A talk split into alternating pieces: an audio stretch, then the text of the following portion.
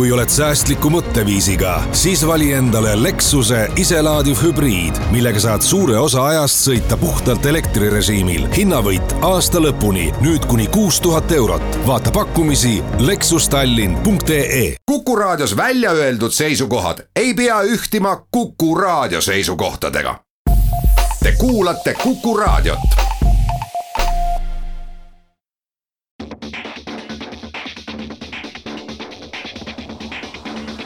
autotund. see on saade sulle, kui sul pole päris ükskõik, millise autoga sa sõidad. tere taas Autotundi kuulama. üle tüki aja on meil stuudios mitte lihtsalt kolm inimest, vaid me oleme lõpuks saanud kätte Peeter Koppeli, kes on meil aeg-ajalt saates käinud, aga ta on lihtsalt nii kiire inimene, et äh, aegade leidmine on raske. Äh, millest me täna räägime? räägime sellest, et äh, kolmkümmend kilomeetrit tunnis on varsti linnades äh, standardkiirus. millised võiksid olla autoteemalised jõulukingid? räägime ühistranspordi hinnatõusust Tallinnas, aga räägime natukene teise nurga alt. ja Tarmo, sina tahtsid, et me räägiks väga maailma naiste autost kaks tuhat kakskümmend, et siis saame teada, mis need on. minule lihtsalt meeldivad edetabelid ja Peeter Koppeliga räägime saate teises tunnis proovisõitudest ja peamiselt ühest elektriautost, mida Eestis veel ametlikult ei müüdagi. nii, aga kõigepealt meie sellised nädala tähelepanekud, äh, mida panin mina tähele? tuli igakuine automüügi edetabel, mida Amtel meile saadab ja nagu ikka, tavaliselt on seal põhiuudis see, et kas seekord on esimene Škoda või Toyota. Äh, seekord oli Toyota, kusjuures kahe autoga, et nad rebivad ikka nii lähedalt, et seal oli kolmsada nelikümmend kolm versus kolmsada nelikümmend viis autot. aga see ei olnud huvitav, ma saan aru? see ei olnud huvitav, see on tavaline. huvitav oli see, et äh, Eestis üks, üks automark, mille puhul ma ei saa aru, miks see eestlastele ei meeldi. Äh, tegemist on Fordiga, ma toon lihtsalt siia näite, et kui eelmine kuu müüdi, nagu ma ütlesin, kolmsada nelikümmend viis Toyotat, siis Forde müüdi kolmteist. sealjuures noh, mõelge, kolmteist Fordi ja näiteks kaks Lamborghinit et mis see protsentuaalselt teeb, et kui palju eestlasi eelistavad Forde ja Lamborghinisid, et ja ma ei saa sellest lihtsalt aru. Lexuseid müüdi kaks tükki rohkem kui Forde. kui me lähme sama klassi autode peale, ütleme Ford on võib-olla natukene kõrgemast klassist või noh, natukene kallim auto kui Kiia, Kiiasid üheksakümmend kolm. aga mis see Ford oleks, mida näiteks mina peaksin ostma? Focus, universaalkirjaga Focus, taga on ruumi sama palju vähemalt kui sinu praeguses Honda Accordis, ta on selline mõistlik, väidetavalt hea juhitavusega, okei okay,, see on asi, millest enamik inimesi tegelikult ei saa aru, noh, kas auto on hea või halva juhitavusega, et äh, istud noh, üheksakümnega maanteel otse sõites ei ole ju väga vahet, aga lihtsalt arvestades seda, kuidas Inglismaal on Ford noh, pidevalt kõige müüdum, eriti Fiesta, noh, kõige hinnatum, just hiljuti võitis ta, kas oli Top Geari või Evo, ei Top Gearis uh, Hot Hatch of the Year, Ford Focus ST uus, meil kolmteist autot. aga ja... nad ei ole ju kallid, selles mõttes, et mis see põhjus on, lihtsalt kuidagi maine või? no vot, see, see oligi minu nädala see sündmus, mis mul aeg-ajalt mind tabab, et mina ei tea, miks see ei ole.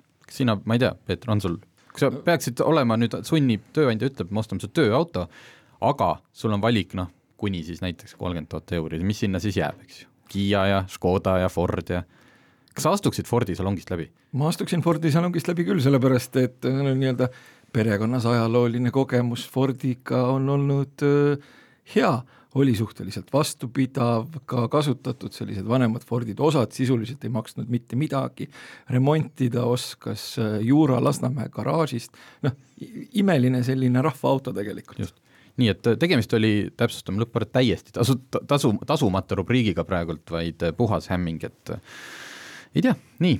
mina olen sõitnud nüüd korduvalt mööda Reidi teed, sellepärast et ma kodus sõidan tööle mööda seda teed ja ma pean ütlema, et see on väga mõnus tee. on ju, väga ilus, eks ju. lai, tore, võimatu kuidagi valesti sõita, kõik on normaalselt tehtud, ainus asi on see, et kiirusepiirang on seal nelikümmend, natuke arusaamatul põhjusel mul väga hea sõber elab kuskil seal Viimsi lõpus ja käib äh, Tallinna teise otsa tööle. ja ta täna hommikul ütles mulle, et äh, tema aja kokkuhoid on kakskümmend minutit per sõit. ehk siis äh, täiesti ehtne, päris tubli inimene hoiab kokku Reidi tee tõttu päevas nelikümmend minutit. aga kuhu ta tööl käib, selles mõttes, kus on see lõpp-punkt, sest et ta saab Russalka juurest kiiremini edasi, aga ma saan aru, et võidaks ju see, kes käiks näiteks Koplis tööl või ma ei kujuta ette kuskil äh, Sõpruse puiestee taga tal see kontor on. ta sõidab siit sinna, mina mõtlesin, et selleks kasutatakse Peterburi teed. vaat ei kasutata. ja Järvevanat. vaat ei kasutata. issand, keeruline, nüüd tuleb geograafia ümber vaadata. nii, aga nelikümmend kilomeetrit tunnis, on see hästi tähistatud?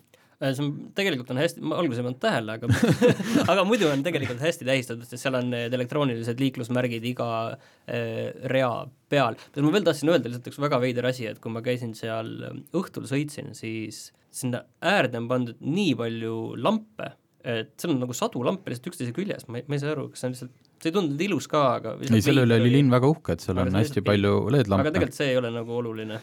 see on välismaa, ütleme nii. jah, kuskil naljalehel oli ka kirjutatud, et noh, linn peab nagu lahendama inimeste seda heaolu ja siis Reidi teega, et lahendati ära see, et sa istud küll ummikus, aga sa ei ole enam närvis, sest sa saad merd vaadata. mina ei ole seal kordagi ummikus istunud jah, pigem, pigem see, peetigi silmas seda Russalka ristmikku. ma täna tulin sealt kümme, sõitsin läbi ja ei olnud, ei, auto ei seisnud peaaegu kordagi korraks foori taga ja kõik. nii selge. Äh, muuseas, kiirusepiirangu osas äh, käisin eelmine nädal, äh, tegin ühe intervjuu, Tallinnas oli hästi suur konverents, mis kandis nime Vision Zero ehk siis nullvisioon, et mingi aeg võiks ju olla niimoodi, et liikluses ei hukku mitte ühtegi inimest. Noh, siht ju peab olema.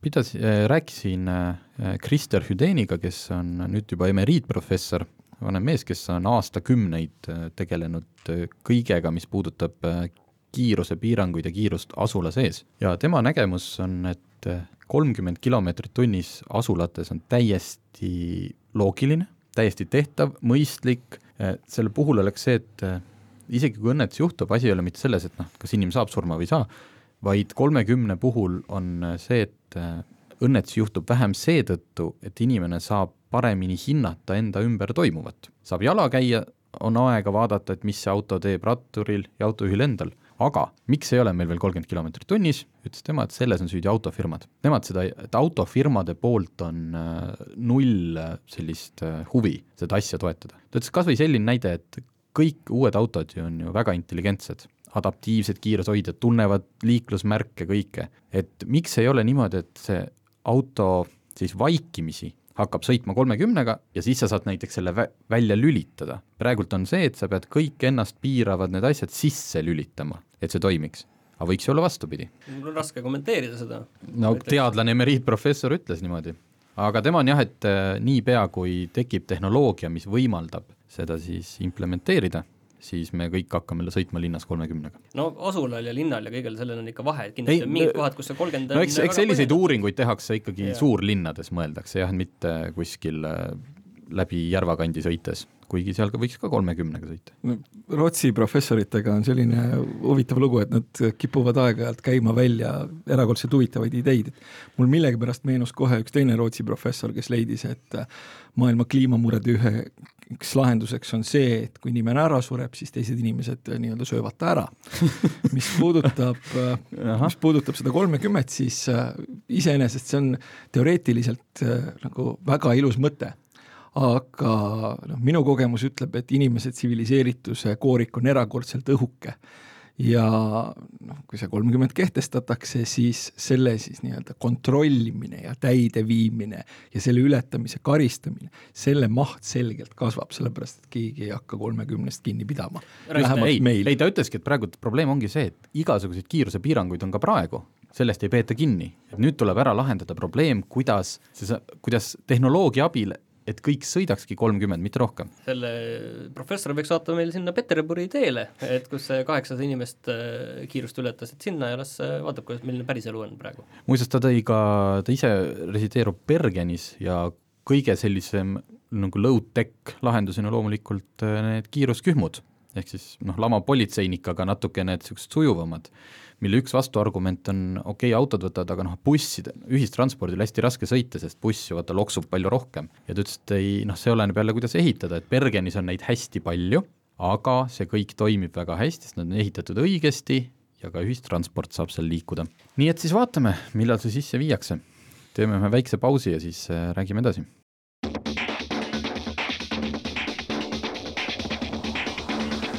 autotund.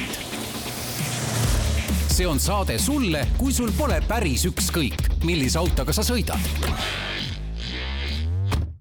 Äh, autotund on tagasi, jõuludeni on veel täpselt nii palju aega, et äh, inimesed mõtlevad, et äh, paaniliselt mida kinkida, üht-teist võib veel jõuda kohale ka Amazonist või muudest kohtadest, Hiinast ilmselt enam mitte, et ärge seda tehke, mis on ka väga hea, sellepärast et kui me räägime jõulukinkidest, mida võiks tahta või mida inimene arvab, et tema sõber tahab, sest ta on autohuviline ju, siis nende hulka kindlasti ei kuulu kõik see odav või mingi imelik kraam, alates lõhnakuuskedest või muudest parfüümidest, palun ärge kinkige oma lähedastele, ärge üldse mitte kellelegi kinkige asju, mis teevad autos mingi teise lõhna. juhul, kui sa tunned, et su sõbral on autos mingit aroomiprobleemi, siis kingi talle šampooni näiteks. nii, aga pigem keskkonnateemaliselt, et igasugused vidinad, ma ei, ma ei kujutagi ette, mingid sildid ja naljakad asjad ja, ja need stange kleepsud, enamik autosõpru ei ole nõus oma auto peal nagunii midagi kleepima, et äh, see on esimene nõuanne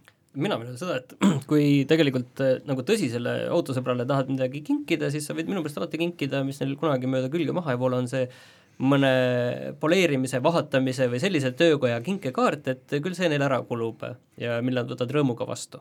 ma loodan, et neid müüakse. No ma ei tea nii, Peeter, sina oled äh, auto, sina, no ütleme, et sa oled autosõber, muidu sa siin ei istuks. ja, ja ma olen ka saanud äh, mõned autoteemalised kingid elu jooksul, äh, kusjuures esindusest ostetud nokamütsi kolmetähelisele Saksa automargile, mis oli DKV mis oli krooni ajal ja mis oli sellisel hinnatasemel, et ma ise ei oleks seda endale kunagi raatsinud osta. see sisaldas väikest huumorikomponenti, aga noh, olgem ausad, see kulus tegelikult äh, mingitel hetkedel näiteks lahtise autoga sõites väga hästi ära. ja siis ma olen saanud ka termostassi jällegi kolmetähelise Saksa autofirma oma, jällegi esindusest ostetud, jällegi ise ei oleks kunagi raatsinud osta ja nende kahe kingiga ma olen olnud äh, rahul, sellepärast et need on olnud ilusad, kvaliteetsed ja praktiliselt kasutatavad. jah, et see ongi järgmine koht, et kui sa tead, et äh, su äh, kingi saaja on selline ikkagi konkreetse automargi fänn, siis see on üks võimalus, minna sealt esindusest läbi, valida midagi, mis neil seal riiulil on, aga see on ka muidugi jah, väikse agaga et kas see inimene tahab ka nagu reaalselt selle asjaga siis ringi käia, ütleme, kui see on rõivaese. sellise suure logoga näiteks jope selja peal võib tihti olla, anda ka teise nagu sellise äh, tähenduse, et sa näiteks oled seal esinduses töötaja, aga noh, see on natuke kall-, need asjad on päris kallid seal. kipuvad olema küll, et see on, see on jällegi see, et kingituseks on nad päris toredad, ise ei raatsiks või siis näiteks midagi unistustest, vaatan, Peeter joob siin kohvi Bentley ta-, kohvitassist, et äh, ka, ka selliseid, et jalutage läbi mõnest luksusauto sellest esindusest ja tehke selline nali.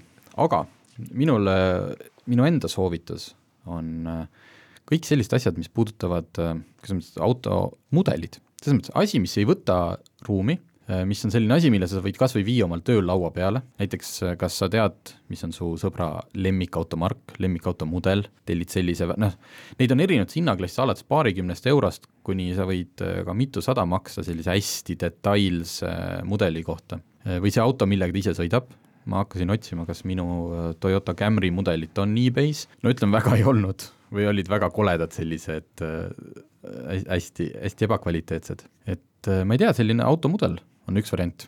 no mehed teatavasti ei kasva kunagi täis ja neid, kellele automudelid ei meeldi, midagi pole parata, on minu hinnangul küll vähemus. Neid on vähemus jah, ja faktiline ka, et automudel ei tähenda see, et nüüd mees hakkab sellega, noh ta salaja kindlasti teeb seda laua peal, mängib sellega, teeb aga need on, need on nagu iluasi, noh see on sul nagu ma ei tea, töölaua peal on näiteks perepilt ja seal kõrval on see automudel või kodus riiuli peal. Need ei ole mängimiseks, et kui teil on väikseid lapsi kodus, kes siis näevad, et issi sai sellise ägedal automudeli, siis see on nagu törts õel sest et issi paneb selle kindlasti klaasi taha ja ei luba kunagi mängida. ja kolmas asi, ma nüüd hakkasin vaatama, on niisugune äh, vastuoluline, mulle endale need üldse ei meeldi, aga need ületavad alati uudisekünnist, on need legod, äh, mis on näiteks äh, Bugatti Chironi lego. see on mingi nelisada eurot ju? see on nelisada eurot, vaatasin odavamaid, üks Porsche üheksasada üks üks võistlusauto on, oli vist sada viiskümmend eurot ja saab ka lihtsamaid. lihtsalt mulle endale, lego on ju teatavasti noh, võrdlemisi kandiline asi, millest ehitatakse asju ja see see näeb välja, nagu see oleks kuskilt hakklihamasinast läbi käinud selline masin. jah, ta on äratuntavalt Bugatti Chiron ja kindlasti on äh, selle kingituse saajal tunde või noh, olenevalt selle mudeli detailsusest võib-olla ka päevi, sellega tegevust, aga hiljem on ta nagu, ta ei kaunista väga. et äh, üks variant on ka see, nii et äh, võib-olla saite siin natukene oma jõulu, jõuluängile ja kingituste murele lahendust, aga räägime siis maisematest asjadest, ühistranspordis Tallinnas tõstetakse hindu, mind Tallinna kodanikuna see ammu juba ei puuduta, sõidan tasuta. mind puudutab. just, et äh, nii, äh, palju siis äh, hind sul tõuseb? Nelikümmend senti, et kui muidu äh, piiksutan seda kaarti, on üks kümme, üks sõit, tähendab tund. tund, nüüd ta on tunni, tunni oma on see aga nüüd, nüüd on siis üks viiskümmend, et äh, veel üks põhjus mitte ühistranspordiga sõita, kusjuures ma üks päev tulin trammiga siia mere äärde Ülemistelt, täiesti kohutav. Selles mõttes, et see tramm tuleb nii aeglaselt, ühistransport ei tohiks linnas nii aeglaselt sõita. olema kõige ristmiku taga ta ootab kolm minutit, no natuke pingutan üle, aga ma oleks autoga jõudnud kaks korda kiiremini kohale, arvestades seda liiklust ja kõike, et see oli täiesti jabur. see ühistransport peaks olema kiire ja mugav. ummiku ja tipptunni väliselt on auto igal juhul kiirem, siin pole küsimustki. mis mind selle ühistranspordi ja pileti puhul kõige rohkem segab, kui, kui ma veel ostma pidin või nüüd, kui ma ise sõidan ja näen, on see, kuidas ühistranspordis sees ei ole võimalik inimlikult äh, näiteks turistil või linnakülastajal seda piletit osta, eriti äh, koomiline seda vaadata just siin sadama piirkonnas, kui tuleb näiteks laeva pealt hulk turiste või siis kruiisilaevad, eriti suvel, ja siis on see noh, näiteks kümnene punt äh, kuskilt Aasiast tulnud turiste, kellel on noh, ilmselgelt keelebarjäär ja siis nad üritavad seal ühistranspordis selle väikse luugikese kaudu saada selle juhiga kontakti, saada sealt kätte oma piletid, mida nad nendega tegema asi, peavad. luuk on mingi asi, mis on nagu igasse sellesse trammi või bussi äh, mingi nelikümmend aastat vana luuk, mis on nüüd uutesse, on ta üle toodud sinna lihtsalt, et oleks nagu ilus koli-, koliseks seal. et see, et see bussist ostetav, et äh, kõikidel, ka nendel turistidel on ju olemas ju krediitkaart, et miks võiks olla see NFC kiip lihtsalt, et noh, panid tiket hästi suurelt ja pane kaart vastu või pane kaart sisse ja kõik olemas, et äh, ei oleks turistid saavad samamoodi teha selle kaardiga nagu mina jah, et selle rohelise kaardi, mille nad ei taot..., pangakaardiga. pangakaardiga saab nüüd teha või? ei pea enam roheline kaart olema? ei pea, mina tegin, mul pole rohelist kaarti ei olegi, ma käin pangakaardiga. ah soo, mina mõtlesin, et sa piiksutad rohelist, no näete, näete, turistid aga äh, mis siin nagu suurem teema minu meelest see, et väga tore, tõstate selle hinda, on ju, aga selles mõttes, et kui te tahate, et ma kasutaks ühistransporti auto asemel, siis tuleb teha ühistransporti mugavamaks, kiiremaks, sa pead selle alternatiivi tegema lihtsalt paremaks, mitte see, et sa teed veel ebamugavamaks ja vastikumaks seda ühistranspordi kasutamist. no kuidas, nad ju panid NFC, sa saad ju nüüd maksta. pension või no need inimesed, kellel ei ole NFC kaarti, nemad peavad ikka sinna luugi juurde. rohelist kaarti või luuki ja väga tore on vaadata see, kuidas mina saan üks kümnega sain teha seda piiksutamist ja siis äh, mõni pensionär tuleb maalt linna, tema peab maksma kaks eurot selle eest. aga miks tema kaks maksab? tal näiteks ei ole seda NFC kaarti ja tal, tema peab sularahaga maksma. aa, luugist on, luugist on kaks, kaks ja piiksuga on üks kümme ja nüüd üks viiskümmend. linnavalitsus niiviisi segregeerib kodanikke see on äh, küll aus, seda ma nüüd ei teadnudki, et äh, ma ei tea, kui teil tuleb vanaema linna, siis kindlasti andke talle NFC kaart kaasa yeah., sest et siis ta hoiab kokku. me oleme oma teise plokiga jõudnud lõpule, teeme väikse pausi ja tuleme tagasi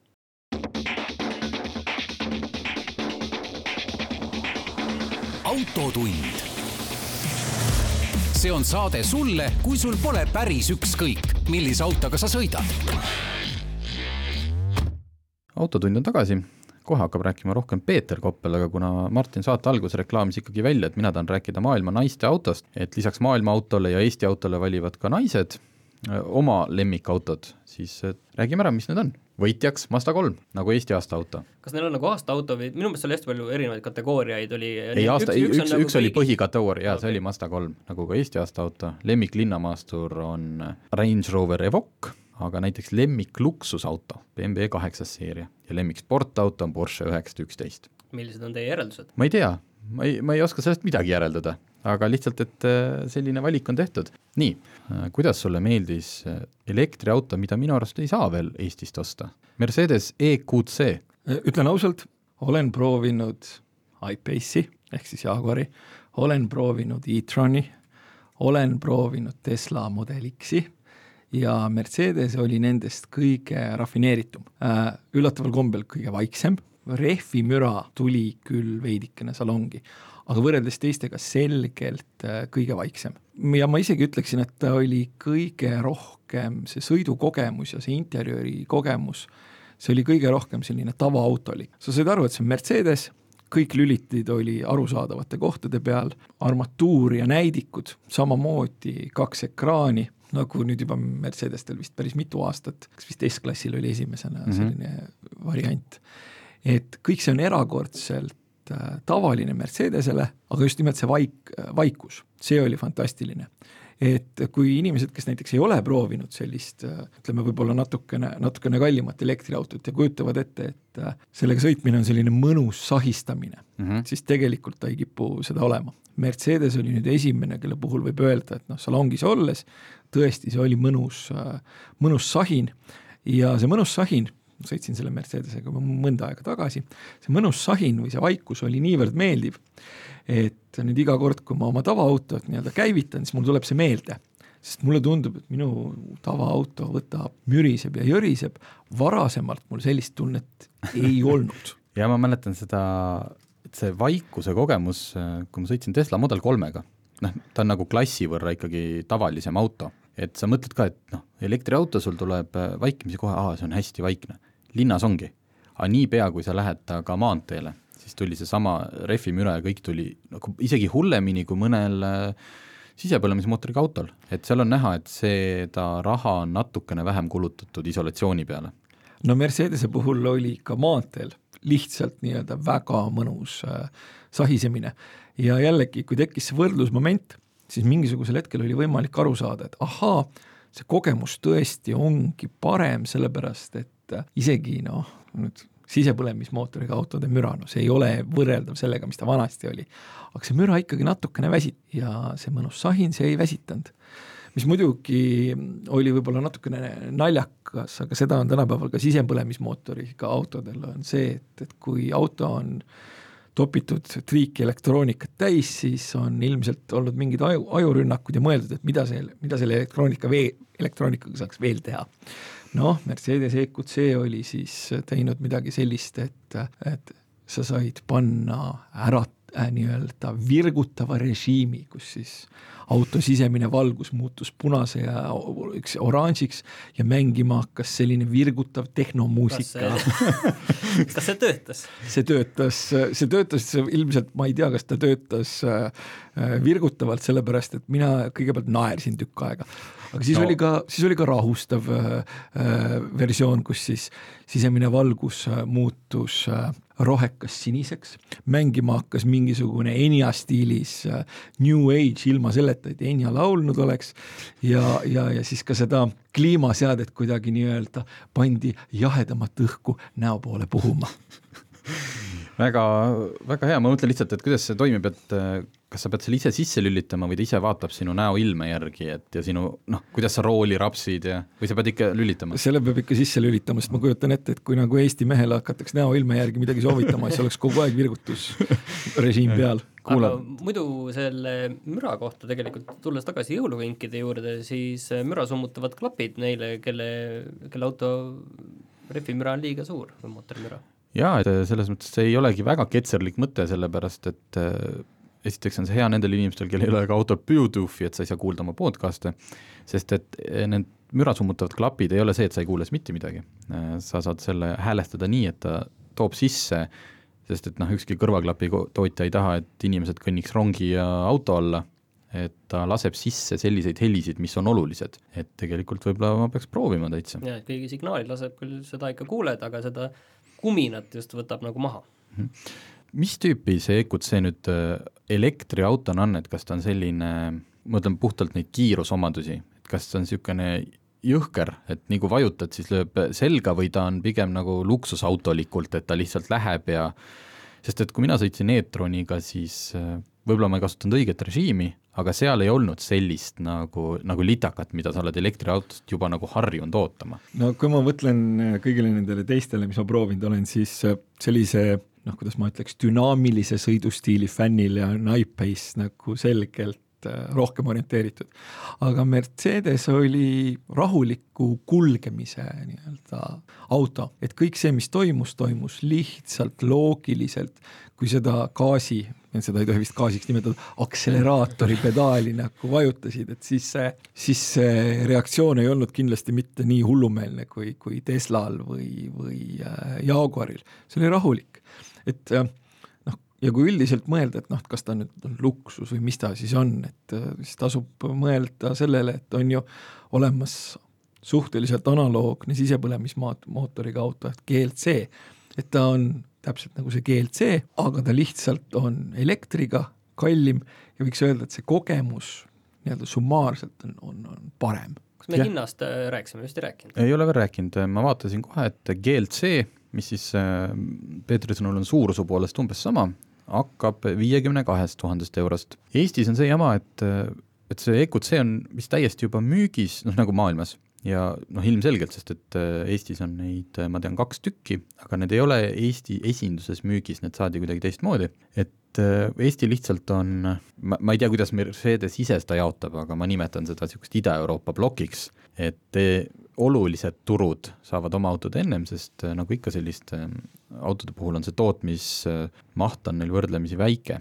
et nad ei saa vist neid nii palju toota, nii et meie hinnakirjas seda praegult ei ole. aga nii palju, kui ma välismeediast olen aru saanud, siis hinna poolest ta on meelega sihitud, et ta jääb alla kindlasti Audi e-tronile ja jääb alla natuke ka Jaguar I-Pace'ile Need mõlemad algavad kuskilt sealt kaheksakümne tuhande euro juurest, mis tähendab seda, et äh, see EQC peaks olema kuskil seitsmekümne tuhande euro juures, pluss siis lisavarustus. ja selle lisavarustusega on võimalik äh, väga kenasti selle auto hind nagu ikka. saada no, kohaliseks. nagu ikka, aga selles mõttes äh, ilmselt sa ei tea, kui palju see hind sinu proovisõiduautol oli, aga kas see oli, see oli ikkagi Mercedese põhimõtteliselt selline luksusklassi auto, kui sa seal sees istud, plastikut, äh, värki? kõik pinnad olid äh, toredad ja pehmed, värve oli kasutatud julgelt, et ei olnud mingisugust sellist, et nüüd mul on, nüüd mul on must ja nüüd mul on hall, et see oli selline tumesinine, ütleme, nendest toredatest avaustest, kus õhku puhub, oli kasutatud sellist vaskset, et kokku see see värv, värvide nii-öelda gamma, mis oli kasutatud, oli hästi-hästi mõnus, aga minu teada ka selle, selle konkreetse auto hind ikkagi lähenes tõkestamatult äh, sajale tuhandele paraku. Ja oli küll luksusklassi tunne. tavalise inimese jaoks on vist oluline see, kas baasvarustuses see Tehno on või ei ole. Nii, see selgub kohe meil peale pausi, kas baasvarustuses Tehnot saab.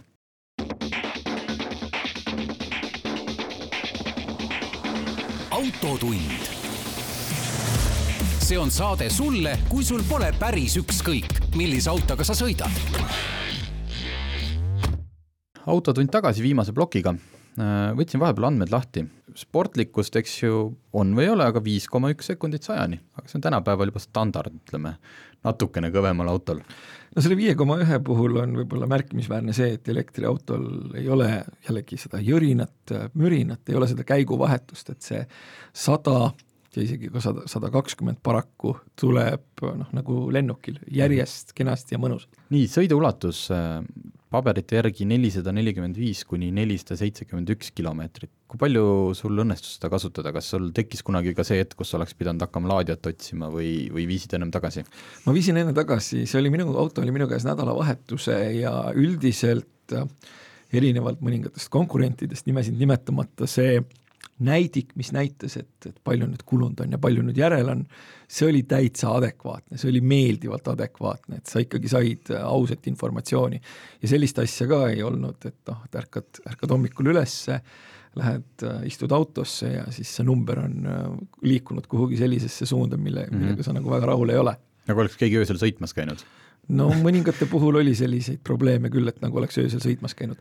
loomulikult tuleb öelda, et see sõltub nii paljudest asjadest, et noh, näiteks mõnda konkurenti sai, sai proovitud mõnda aega tagasi ja selgelt külmemal ajal, nii et üks asi, mis, kui me räägime nüüd iPace'ist, e-tronist ja EQC-st, mis noh, on hästi individuaalne, aga ma ei suuda, kui ma neid pilte vaatan juba noh, peaaegu aasta on see teada, see auto nagu väljas olnud, see esiots, kuidas, lihtsalt see on puhtalt sinu isiklik arvamus see disaini kohta, siin nagu ei saa öelda, et kas disain on hea või halb, aga natukene ta on kuidagi üritatud kas siis teha ulmet, aga see pole õnnestunud või sinu isiklik arvamus? no eks nad on üritanud seda sellest GLC-st veidikene eristada, külje pealt on arusaadav, et tegemist on Mercedese pargimaasturiga, tagant on aru saada, et tegemist on Mercedese pargimaasturiga. aga eest on siis tõesti üritatud ulmet äh, veidikene teha, noh, Mercedese märk on küll suhteliselt suur, aga eks see, eks see nina eriti, eriti nii-öelda vaimustust inimestes tek-, ei kipu tekitama. üks asi, mis mulle küll meeldis, oli äh, selline väikene vallatus, ehk siis äh, terve nina ulatuses oli selline ka valge LED-riba, nagu siis kipub tänapäeval autodel taga olema, et siis terve tagamise osa ulatuses on punane LED-riba, et siis kui autole lähenesid, võtsid, tegid ukse lahti, siis see läks niimoodi aeglaselt, rahulikult, rahulikult põlema. Ja selgelt oli võimalik aru saada, et see on nüüd selgelt teistsugune auto kui teised, mis parajasti linnas liiguvad. Ja samamoodi, et kui, kui siis see auto sõitis ja juba siis oli kaugelt seda nii-öelda LED-riba näha, see oli justkui sündmus, aga noh, loomulikult ei lähe kaua aega, kui neid on esiteks rohkem ja kui Kiia paneb endale samasuguse nii äh,, sellest autost praegult vist rohkem äh, rääkida polegi, aga võtame siis üldise äh,, hästi üldiselt. miks või kas sina ostaksid omale Brati elektriauto? kas turul on selline elektriauto, mida sina oleksid omale, milleks oleks nõus igapäevaselt elama? eeldusel, et sul on kodus laadimispunkt olemas. selle Mercedesega ma oleksin äh, täiesti rahulikult nõus igapäevaselt elama. ma oleksin täiesti rahulikult nõus elama ka igapäevaselt äh, Jaguari I-Pace'iga, just nimelt eeldusel, et mul on kodus laadimisvõimalus, aga noh, olgem ausad, hind on jätkuvalt probleem.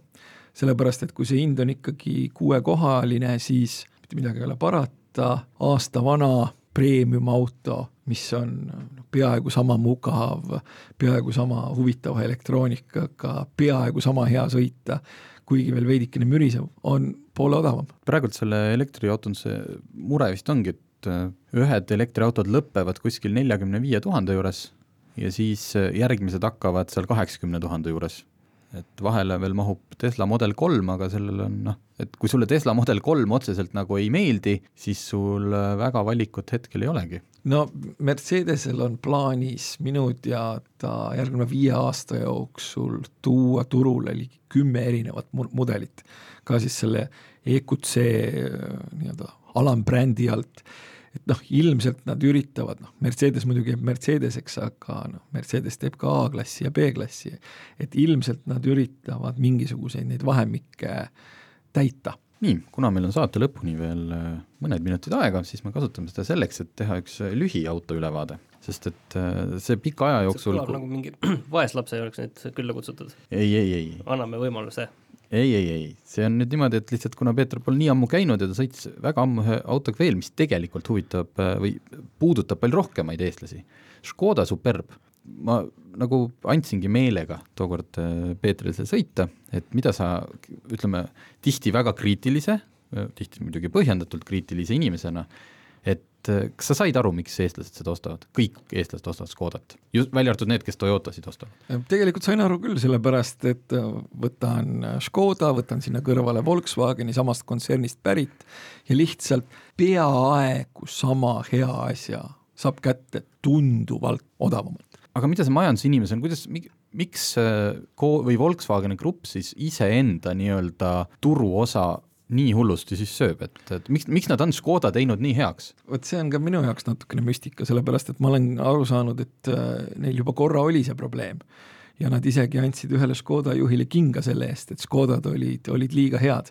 ja nüüd on jälle kuulda, et nad äh, plaanivad äh, uuesti Škodat nii-öelda veidikene nii-öelda sinna odavamasse klassi äh, lükata, et äh, et et, et, see võib-olla ei näriks ennast äh, nii palju Volkswageni enda turule või siis kas või Seati turule, turule sisse, aga hetkel tõesti vaatan Superbi, vaatan Passatit, äh, noh, hea küll, võib-olla kui võtta täiesti võrreldavad äh, nii-öelda varustusastmed, siis võib-olla see hinnavahe ei ole nii dramaatiline, aga, aga tegelikult äh, Superbi puhul saab suhteliselt mõistliku hinnaga kätte suhteliselt mõistliku auto, ei ole seest mingisugust müraprobleemi, ei ole imelikku äh, kõva plastmassi probleemi, sellesama plastmassi probleemi, millest nagu prüg-, prügikonteinerid tehakse.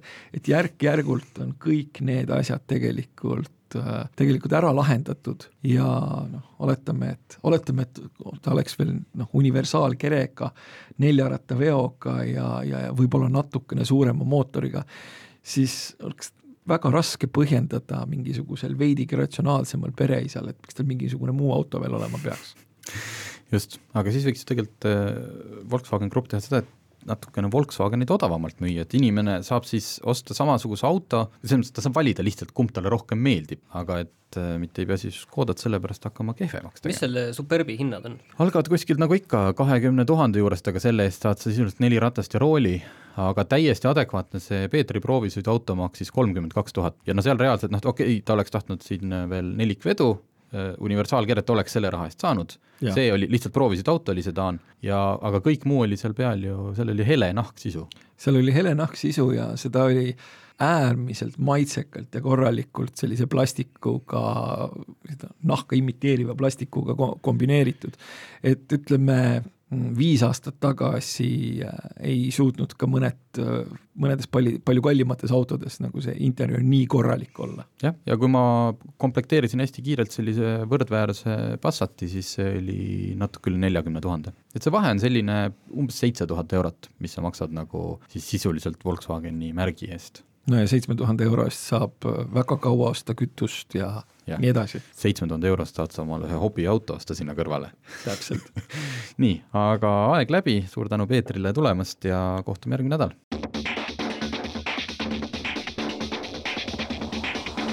autotund. see on saade sulle, kui sul pole päris ükskõik, millise autoga sa sõidad